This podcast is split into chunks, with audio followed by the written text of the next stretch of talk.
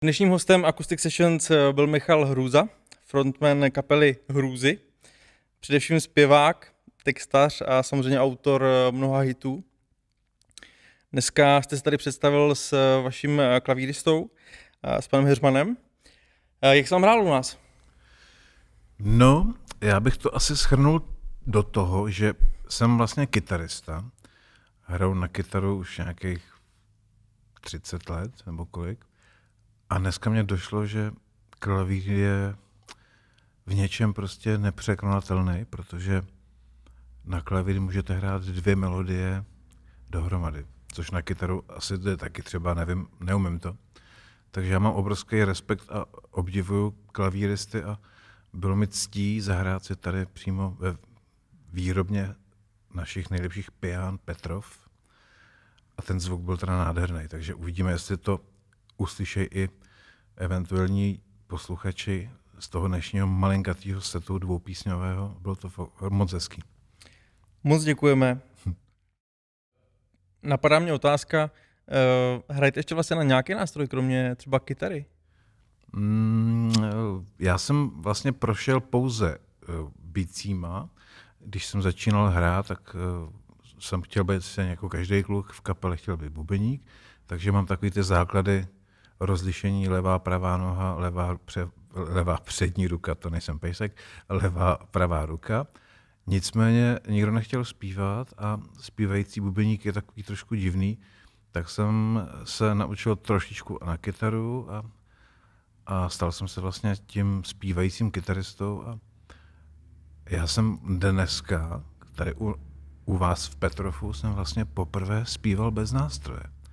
Mm-hmm. Naštěstí tady byla židlička, tak jsem seděl a jen tak jsem se pohupoval, ale je zvláštní, že nejsem zvyklý eh, ten zpěv ještě umocňovat tím pohybem těla, mm-hmm. protože jsem převázaný k tomu mikrofonu a hraju a nedívám se třeba už ani na kytaru, protože přesně vím, co jak hraje, mm-hmm. ale, ale najednou jsem byl poprvé v situaci, že jsem byl tím, jen tím zpěvákem a chápu, že ty zpěváci, kteří už to dělají a umějí to dělat, tak u toho skáčou, blbnou, lezou po konstrucích a tak. No.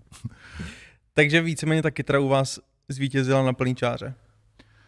Co myslíte? Uh, jako nástroj, který ovládá. No, kytara, kytara. Takže trošku bicí, ale víceméně kytara. Kytara, kytara. A kdo vás vlastně přivedl k muzice, nebo případně co vás přivedlo k muzice? No, asi to bylo takový to, uh, jak všichni ti kluci v té šestý, sedmý třídě vnímá, vnímají hudbu, eh, tak někdo, teď třeba generace dnešních teenagerů, dělají různé ty skoky a jezdí na prknech a, a tancují a za našeho mládí to bylo prostě umět mít kapelu, umět na něco hrát a tak jsem se k tomu nějak pak dostal, že eh, na té střední škole eh, jsme se chtěli vyjadřovat víc, než bylo povoleno tak jsme se naučili, začali, začali jsme prostě hrát ty naše písničky nejdřív převzatý, takový ty různý metalový a rockový, hard rockový. A pak mě najednou přišlo hrozně zajímavé to doplňovat vlastníma textama, mm-hmm. protože uh, zpívat jako cizí texty jsou taky jako hezká věc, ale napadlo mě, že bych vlastně mohl udělat, už na té základce jsem začal psát první takový ty songy, ve smyslu první motivy, čtyři verše a bylo to mm-hmm. hotový. Takže, že by v rodině třeba eh, rodiče hráli nebo, nebo babička, strejda? No, já jsem se pak, v tomto věku jsem se pak dopátral, že otec hrál na bicí, mm-hmm. taky jako na střední škole a vím, že jeho tatínek, čili můj děda, chodil zpívat, jako se chodívalo zpívat do kostela, takže on byl takový ten člen toho pěveckého tělesa v těch kostelech. On byl z Jižní Moravy, byť byl děda narozený ve Vídni, to je vídeňský Čech, ale po válce zůstali v Čechách a už se nevrátili do Rakouska. No, takže, eh, takže nějaký muzikantský jsem to nějak tam... vysledovával, jak by to mohlo být, no. kde se to vzalo. A vlastně od začátku eh, jste známý spoustou hitů, který jste za tu dlouhou kariéru jako napsal mnoho písní samozřejmě nám jako zní, zní v hlavě už za tu řádku let eh, v pozitivním slova smyslu, to myslím. Eh, změnil se třeba za tu dobu přístup váš k tomu eh, tvoření té muziky? Jestli třeba máte nějaký rituál, nebo když píšete, potřebujete mít nějaký místo, nebo nějakou, vytvořit si nějak, nějakou situaci, jestli za tu dobu se to takhle nějak uh, už úplně jako vystříbřilo pro vás, že víte, že třeba za takových okolností uh, tu písničku se vám bude dobře psát? Existuje definice hudby, že to je vlastně určitá forma komunikace. Čili pokud máme potřebu něco říct, něco sdělit, tak eh, k tomu je potřeba taky mít tu inspiraci, což může být, ať už to je krásná dívka, nedostupná žena, vztah vůbec někoho, nebo vůbec celková situace ve společnosti. A pokud na nás nějakým způsobem působí a my máme potřebu říct svůj názor, tak není nic jednoduššího, než to dát do písničky. Že? Takže eh, co se týče místa, je to naprosto nezávislý. Já mám teda rozdělenou tu složku, tu hudební, kterou považuji za velice snadnou. Prostě se člověk jenom otevře a lítá to vzduchem a jen to zachytí.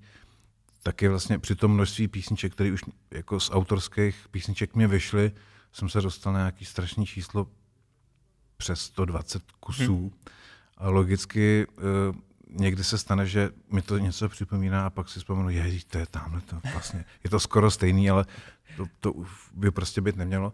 Čili já, já vlastně, když skládám, tak tak vlastně dávám naprostou svobodu té své emoci, tomu mm-hmm. pocitu. A to prostě je vlastně jednoduchoučký. Horší to je s tím slovem, mm-hmm. protože každý slovo, ta čeština, byť je to náš materský jazyk, rodný jazyk, eh, tak eh, ty slova není až tak moc, který by se dali eh, do nekonečna opakovat, aby jsme to neopakovali, tak je pak důležitá ta interpretace a já jsem zjistil, že uh, jsou slova, které se skoro až bojím vyslovit. Mm-hmm. Z těch, jedno z těch slov je třeba slovo láska, protože to je tak silný slovo, že ho můžete hrozně snadno zkazit, mm-hmm. zneuctít blbým použitím, takže kdo to napsal? Petr Fiala z Mňáky. Myslel jsem si, že je to láska. Mm-hmm. A on ji tam vlastně schazuje takovým tím, já jsem si myslel, že to je ta láska, ta, ta, je tam trošku ta ironizace toho slova. A takže tady těm velkým slovům člověk musí fakt jako dozrát, aby je použil a, stál, a byly uvěřitelní. Mm-hmm. A to je zase k tom, těm textům, to mě naučil, protože my jsme teď v Hradci Králové, což kdo neví, tak je kousek od Pardubic. A já jsem v Pardubicích začínal a tam mě naučil eh, kamarád Vláďa Bret psát texty a jeho heslo bylo říkat pravdu a nebát se škrtat, protože když se sednete k sešitu a začnete psát večer, máte pocit, že to je jako docela dobrý. A ráno se probudíte a je, to je špatně. A bohužel se to musí vyškrtat. Jo. No. Změnilo se to teda třeba v průběhu té doby? To je pořád stejný. Pořád stejný. Od začátku, od těch malých let. No tak. a je zvláštní, když ta emoce, která mě nutí jako to zrealizovat, je tak silná, mm-hmm.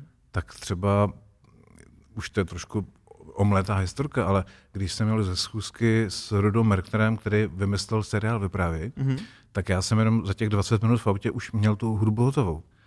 A pak jenom teda vymyslet ten text, protože nikdo ten seriál ještě neviděl, včetně mě, a stal se z toho skoro až kultovní seriál. A tam ta minutová písnička, nebo kolik to má, ta prostě bude ten divák poslouchat tady 10 let, tak nesmí být úplně blbá. Hmm. Takže tam ten text byl už takový, tam bylo spíš složitý najít to téma. A jediný téma, který je pořád aktuální v tom vztahu, je, když spolu začal ten jak ona se jmenuje, Eva a... Eh, no, no. no.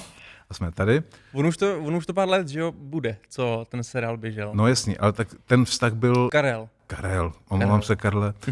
tak ten Karel vlastně se s tou Evou potkali na vejšce a skončili spolu až jako do důchodu, tuším. Mm. Že, takže ten, to téma by mělo být takový to přetrvávající v tom vztahu a takže to bylo zase o lásce. Je kromě muziky něco, co vás baví hodně a třeba to o vás tak neví? No, mm, tak uh, hodně věcí s tou muzikou souvislí, takže například rád cestuju, rád poznávám, potkávám, pozoruju. Uh, jsem takový ten severán, baví mě hrozně moc uh, vnímání světa lidí, kteří žijou třeba v té Skandinávii. Uh, baví mě hodně New York. Mm-hmm. Je zajímavý, že je fakt veliký rozdíl života v New Yorku a třeba na Floridě, kde jsem zjistil, že je to takový pro mě jako nezajímavý. Neříkám příroda, to je všechno v pořádku, ale ten lidský faktor je prostě v New Yorku fakt skvělý. No a e, takže to vlastně tak zase souvisí s tou hudbou. A jinak... E, že byste měl nějakou netradiční, přemýšlím. specifickou věc. Je to asi takový to, jak člověk pořád na něčem přemýšlí a tak vlastně mění to prostředí k tomu, aby mohl přemýšlet. Čili mám rád někdy tu samotu.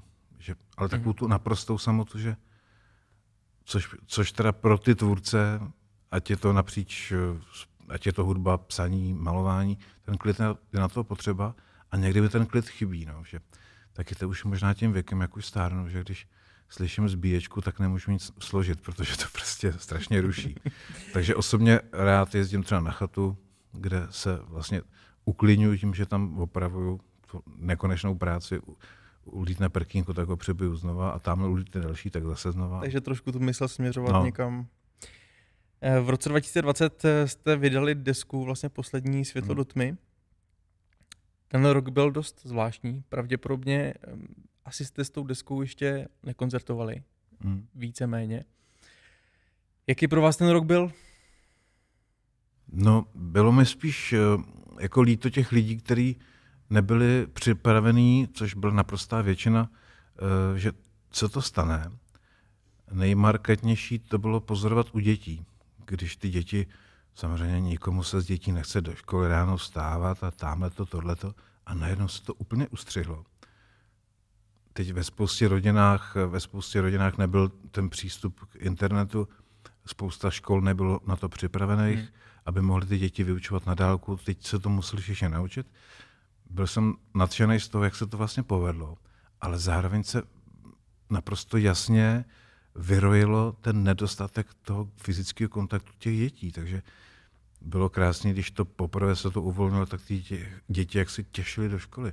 A já mám třeba dvě děti a bylo pak zvláštní v té druhé návratové vlnce, mm-hmm. že jedna mohla a druhá nemohla. Mm-hmm. A pak se to vystřídalo. A... Takže, Takže tam, tam to bylo těžké jako u lidí, kteří prostě pracovali a museli být v tom kolektivu, nejenom děti ve škole, že najednou to nemohli mít a já bych to, nevím přesně to číslo, ale jestli to bylo třeba milion lidí, prostě hmm. bylo najednou úplně brutálně omezeno ve své práci a ať už to jsou hospody, i když někdo se tomu může smát, jako jít si do hospody přece, no tak nebudu pít alkohol, ale o to tam tolik nejde, tam šlo spíš o, to, o, tu, o, to, o tu komunikaci těch lidí. No. A my jakožto muzikanti uh, jsme to zažili asi nejvíc. No. Takže tady ta poslední deska Světlo do tmy je vlastně hrozně příznačná, že my jsme se najednou ocitli v té tmě a byť já jsem teda, uh, nejsem až tak dobrý samozřejmě kytarista ani zpěvák, ale právě tím skládáním mě teď uživilo to, že občas se ta písnička objeví v nějaký rádiové stanici a uh, vlastně tam je ta povinnost toho autorského honoráře, takže já jsem přežil díky té ose a opravdu to funguje, že když máte to štěstí a dostane se vám písnička někam do médií, tak třeba mi koupila televize jedna, mm, koupila písničku s Dusilkou, co jsme naspívali, mm-hmm. a koupila to do seriálu. Zase prostě vůbec o to nejde, jakože nevím, jestli za, myslím, že zaplatili za tu nahrávku něco málo, nevím, nevím, nevím, mm-hmm. ale rozhodně ta osa z toho prostě přijde a takže pak najednou pak z toho nastane máte... třeba taková situace, no. tak... Uh, takže ono přeci jenom ale po těch letech, co jste vlastně pravidelně každý rok koncertoval, hmm. Eh, myslím si, že v tom muzikantském životě to léto je nabitý hmm. a teď najednou eh, to byla obrovská změna v tom životě, hmm. tak eh, co třeba berete jako takový přínosy pro vás osobně a kde zase naopak, co vám jako opravdu třeba chybí? Přínosem je to, že člověk se zastavil a měl čas uvažovat a úplně každému se to projevilo i v tom osobním vztahu, protože je prostě rozdíl, když jste v tom zápřahu té práce, svíčenosti, realizace, pak jste doma víkend, jste s rodinou a najednou se to všechno to zmizí a vy jste pořád doma. Takže přínosem je, že se člověk naučil taky vnímat věci, na které nebyl čas. Ale zase mě bylo líto, když pak vlastně to, co vidím, cítím, zaznamenám, podaří se mi to s klukama z kapely nahrát a najednou to nemůžeme zahrát těm lidem. Hmm. To je strašně takový divný, že uh, asi budu mluvit za všechny, kteří vidí výsledek své práce. A výsledek naší práce jsou koncerty, kde když vidíte, jak tam ty lidi v tom publiku v těch prvních řadách ty texty umějí. To je prostě nejkrásnější věc jako v té naší profesi, co je a to teď prostě rok nebylo. No. Doufejme, že se to brzy snad navrátí, minimálně aspoň v nějaký omezený míře, aby jsme mohli zase nabažit tyhle ty naše chutě. Um, mě by teďka zajímalo, jste muzikant, spoustu hudby určitě posloucháte. Um, jaký byl třeba váš nejoblíbenější koncert, na kterém jste kdy byl? Jakožto divák? Jakožto divák. Jestli nějaký takový, který Jako vám... asi se to nedá říct, že byl nej, jenom byl tak strašně silný, že uh, už v Pardubicích, v době, kdy tu kapelu skoro nikdo neznal, mě ten kamarád, který mě učil textovat, ten Láďa Brett, mě naučil poslouchat Manic City Preachers. Mhm. Tak eh, to nikdo to neznal, že jo? protože my jsme byli ta generace, která jela na té seattlovské scéně Pearl Jam a Mhm. Stop Them to Pilots a Alice in Chains a najednou tady byla nějaká britská kapela, uvidíme. A já jsem měl tu možnost si s nima třikrát zahrát. A jednou jsem je viděl na festivalu v Trutnově. A to jsem prostě byl v kotli a celý koncert jsem tam odspíval, nebo já nevím, jestli se to dá nazvat zpěvem, ale prostě jsem tam pařil jak, jak mladý ucho. A to bylo hrozně hezký. No. Takže třeba tenhle ten Takže třeba tenhle ten bych hodnotil jako mezi nejlepší, ale z pozice spíš toho jako posluchačského, tak byl určitě David Bowie, když Mhm. mm-hmm. byl s Tata Boys eh, v té O2 aréně, nebo jak se to jmenuje. Mhm. Takže tenhle ten. A on, on teda měl nějaký ten, už měl tu srdeční slabost a ten koncert eh, vlastně nedokončil, ale na rozloučenou dal, myslím, China Girl. A celá ta hala prostě těch všech lidí, co milují Bovýho, přijeli tam lidi z Moravy, z Ostravy, z Brna, Pražáci, Plzeňáci, prostě všichni, tak stále tleskali prostě. On tam fakt mu bylo blbě a odehrál si 40 minut a, a ty lidi mu to vůbec jako nezlobili, nebyli Hmm. vzteklí, prostě tleskali a drželi mu palce, jestli se z toho dostane. No. Věřím To byl velmi David silný Bowie koncert. Hm. to, to silný být muselo. Um, máte, dvě, máte dvě poslední mince na jukebox a můžete si nechat zahrát dvě poslední písničky. Hypotetická situace. A samozřejmě asi si člověk vybírá ty písničky i podle nálady, podle toho, Mhm. kde třeba se zrovna teďka nachází. Ale kdyby jsme teď zrovna spolu stáli u jukeboxu, tak uh, co byste tam dal? Just perfect day. Tak to máme jednu. Uh, to je strašně těžký, protože už, už teď mi projelo asi Hmm. pět těch nápadů, ale zaslouží si zmínit Beatles. Beatles. Takže Yesterday. Připravil jsem si otázku takovou, která trošku souvisí s tím, že samozřejmě sám skládáte, jste muzikant. Eh, Kdybyste si zase mohl představit situaci, že budete moct být ve studiu s jakýmkoliv zpěvákem nebo kapelou, klidně i nežijící, třeba při vzniku nějakého alba, tak, eh, tak třeba jestli je něco takového, co by vás opravdu jako zajímalo. No těch lidí je strašně moc, ale tak Davida Bovio se jmenoval, Manic Street Preachers se jmenoval, Beatlesáky, to je jasný, tak koho jsem nemenoval a mě třeba hrozně baví zpětně objevovat lidi, který známe a zároveň zjišťujeme až po, občas se mi to děje i u filmů, že třeba Mhm. vidím film a pak ho vidím po deseti letech a dojdeme, jak byl nepochopený mnou, Mhm. jak byl geniální. A teď třeba jsem objevil Annie Lennox z Eurythmics. A říkám si, pane bože, teď proč mi to nedošlo, jak je to geniální. Ale zase, kdybych byl s Annie Lennox ve studiu, tak to bych pořád jenom čuměl. To bych asi nic neudělal. Takže by, abych jako odpověděl správně to jedno jméno, asi bych dal Johnnyho Cache. Johnny Cache. To je hezká volba. to myslím, že by stálo za to, no. Ještě, že nejsem politik, protože já jsem měl říct jedno jméno řekl jsem jich asi pět. Že? to je právě úplně správně, jako, uh, protože uh, oni vědí, proč to dělají, že jo? Ano, já taky. Um, máte takovou tu, uh, řeknu, skladatelskou třeba deformaci trošku, že když slyšíte nějakou písničku, tak si ji v hlavě jako rozebíráte třeba Hmm. na ty jako nástroje a i tu aranč jako trošku vnímáte možná hloubějc než běžný posluchač. Včera jsem byl na rozhovoru v jednom rádiu a abych tam určitě byl, tak mě přivezl taxík, jako z toho rádia. a pán taxikář byl milý, povídal se a pouštěl rádio. Já jsem hudbu a říkám, nezlobte se, nešlo by to vypnout, protože já to prostě, já když řídím auto, tak nemůžu poslouchat. Jako můžu, ale to teda musím být fakt jako. Takže to je ta úchylka, že takže když jezdíte autem, tak spíš potichu, bez muziky. abych poslouchal motor. Ale takhle jsem třeba objevil a mě to hrozně baví, že, jak jste říkal na začátku, že někdy se z těch písni, písniček stane hit, tak mě třeba hrozně překvapila zpěvačka LP, Mm-hmm. která vypadá trošičku těma vlasama jako Robert Smith z Cure. A já jsem se s ním povídal na jednom festivalu. A já jsem vůbec nevěděl, kdo to je a ona mi řekla, že je, LP. Říkal, no, to dobrý, co to je za divný jméno. A pak jsem se blbec podíval prostě v zápětí, jsem se podíval na YouTube LP.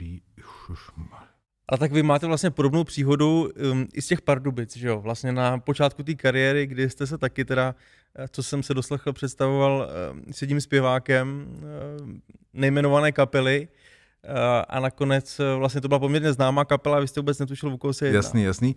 Jenom jsem chtěl říct ještě k té LP, že tam vlastně já jsem vypozoroval, že ona má, kromě geniálního hlasového rozsahu, Hmm. ona má úplně jiný jako princip uh, posadění, posazení toho, té melodie zpěvu do, tý, do toho spotku. A trošku mi to připomnělo úplně stejně nadšený jsem byl z Davida Bovýho, Mhm. mm-hmm. když do těch jednoduchých popových spotků, on tam měl ty zvláštní harmonické postupy. A tahle ta LP to má taky. No. Takže, To je strašně zvláštní, že zase se objevil někdo, kdo prostě to posouvá někam. A naštěstí už dneska to Lost on You, nebo jak se to jmenuje, Mhm, mm-hmm. mhm. tak z toho se stal hit a taky Obrovský to vůbec nikdo nečekal, že teď to bylo takový vlastně zvláštní hudba. A mám pocit, že ono se nejdřív chytlo asi nějak v Itálii, tam to, tam to Jo. nějak vybouchlo a potom se to začalo šířit tou Evropou No je jako to vlastně prostě- až k nám. A, tak eh, a jak na vás působila? No ona byla taková, já jsem, proto jsem nevěděl, kdo to je, protože ona byla taková zakřiknutá a to je vůbec zvláštní historka. Jo. Představte si, že jste v hotelu, byl jsem tam, tuším, se ženou a najednou tam nějaká paní na mě mávala, tak jsem taky jako zamával, taková potetovaná, tak jsem říkal, to bude asi z festivalu. Tak ona pak nějak šla, říkám, jo, vy jste z festivalu? Ne, já jsem ministrině pro místní rozvoj. Ježiš, promiňte, já jsem vůbec nevěděl, kdo to je. Dobrý, nicméně ona pak přišla, že mi jako se představit tady jako ze své pozice, že tam byla asi důležitá v tom večírku, nebo nějaký, ani to nebylo večer, to bylo asi nějak jako přes den. Prostě Mhm. mm-hmm. jsme se obětovávali v hotelu, tak jsem si tam šel dát polívku, tak já tam jim tu polívku, tam z toho talířku, a ona, já vám tady představuju, tady to je nějaký český, tady ten muzikant, tady to je holka LP. Já jsem říkal, jo, odkud se z New Yorku? Jo, tam jsem jednou byl, tam je to hezký, já mám rád Central Park, no a tam kousek bydlím, no super. Tak jo, tak díky. A pak jsem to dojet, že jo, zaplatili jsme, šli jsme do pokoje, tak jsem to našel LP. Říkám, no, jak jsem popisoval tu situaci, prostě strašně vtipný. Jaková světová hvězda byla taková zakřiknutá, taková. Tak zase ten rozhovor byl autentický. že No to teda. Možná, že kdyby člověk věděl, Mohl jsem si utřít tady tu nudli z toho vývaru, ale to... Eh, Když se vrátíme do minulosti, eh, pamatujete si na moment, kdy jste poprvé slyšel svoji písničku v rádiu? Pamatuju. Je to vlastně neuvěřitelný. Nebudu jmenovat ten obchodáček, takový ten obchůdek na potraviny, jak jdete s tím vozečkem, teď se tam hážete ty. A najednou, tam jak hrál ten, to rádíko v těch repráčků. A teď já jsem jako dobrý, ale teď jsem se jako, jako jestli si ty lidi koukají, že to jsem jako já, úplný blbec, protože za prvé to nikdo neznal a za druhý nevěděl, jak vypadá ten člověk, co tam zpívá v tom rádiu. Takže to bylo hrozně vtipný, no. Takže ale utkilo vám to jako v paměti, pamatujete Jo, jo. si vyloženě ten moment. Sídliště na Dubině, ano, tam jsem byl na nákupu. Tak z Hradce zdravíme Pardubice samozřejmě. Eh, Mám tady takovou otázku na závěr. Eh, Někde jsem zaslech, že v životě lidí, nebo že, že lidský život vlastně obsahuje dva životy. A ten druhý začíná ve chvíli, kdy si člověk uvědomí, že má jenom jeden. Ten život. Tak jestli třeba nějaký takový moment ve vašem životě uh, taky nastal, kdy jste třeba trošku si tak jako pro sebe procitnul, v nějaký věci si třeba eh, se nad něma nějak hlouběji zamyslel a, a třeba jste i něco změnil v tom životě. Asi jsem ho zažil, i když bych to asi pojmenoval trošičku jinak. Nicméně uh, zjistil jsem, že někdy je potřeba prostě riskovat a dělat to, co člověk dělat chce, než jet na jistotu, i když ho to moc nebaví. Takže já jsem se vlastně, co zase souvisí s tou hudbou, já jsem se rozhodl, že to prostě zkusím a nelituju toho, byť to nebylo vůbec jednoduché, protože ta doba, kdy jsem začínal, nějaký rok 92, 93, jakože už jsem fakt se toho před ty lidi a bál jsem se. Pamatuju si svůj první koncert, byl to na tancovačce v Hodkovicích nad Moholkou, což je u Liberce. A byli jsme jako předkapela, té hlavní kapely, ale zároveň, jak jsme byli úplně nula, od někdo to neznal, tak oni ještě ne, nezásli v tom sále, takže my jsme tam zahráli, nervózně jako blázen, pak jsme dohráli, tak zasli a přišla hlavní kapela. A když jsem to pak někomu řekl, a on říkal, že to jste byli vy, to bylo dobrý. Takže to je hrozně hezký. Prostě myslím si, že člověk by, eh, když už se stane to rozhodnutí, to prostě zkusit, byť to, ta cesta je většinou komplikovanější, tak to je asi ten důležitý předěl. Pak je ještě důležitý předěl třeba v mém životě, doufám, že i u všech, že najednou přestanete myslet jenom na sebe a řeknete si, tak jako dobrý, tak občas udělám písničku, to mi na tom strašně záleží a až tady nebudu, tak třeba si někdo poslechne, ale vlastně čekat na to, až tady nebudu, to se mi nechtělo a najednou jsem si uvědomil, že chci mít uh, děti. Mm-hmm. Takže to je takový velmi osobní můj poznatek, zase se stýká všech lidí, kteří už jsou ti rodiče, že prostě vás naplňuje předávat to svoje těm svým dětem. Samozřejmě ty děti vznikají z lásky toho muže a ženy a pak se narodí. No a, a vlastně se dostanete zase do toho, potom existuje ta duše, jakože každý máme tu duši, tak ona pak vlastně přechází asi do toho nového života, ať už to jsou děti, ať už to jsou mm-hmm. vnoučata, nebo ta hudba, i tam ta duše trošku může zůstat. A je to takový nekonečný příběh, doufejme. Krásný, krásná myšlenka na závěr. Já Michale moc děkuju, eh, že jste vlastně byli dneska hosty eh, u nás na Acoustic Sessions. Přeju, ať se do budoucna daří, ať eh, zase brzo budete moct stát na pódích, hmm. jako tomu bylo před už poměrně dlouhou dobou. Ale všem nám to chybí, tak doufáme, že k nám posluchačům, tak vám interpretům se to brzo poštěstí a přeju vám jen to nejlepší. Děkuji moc.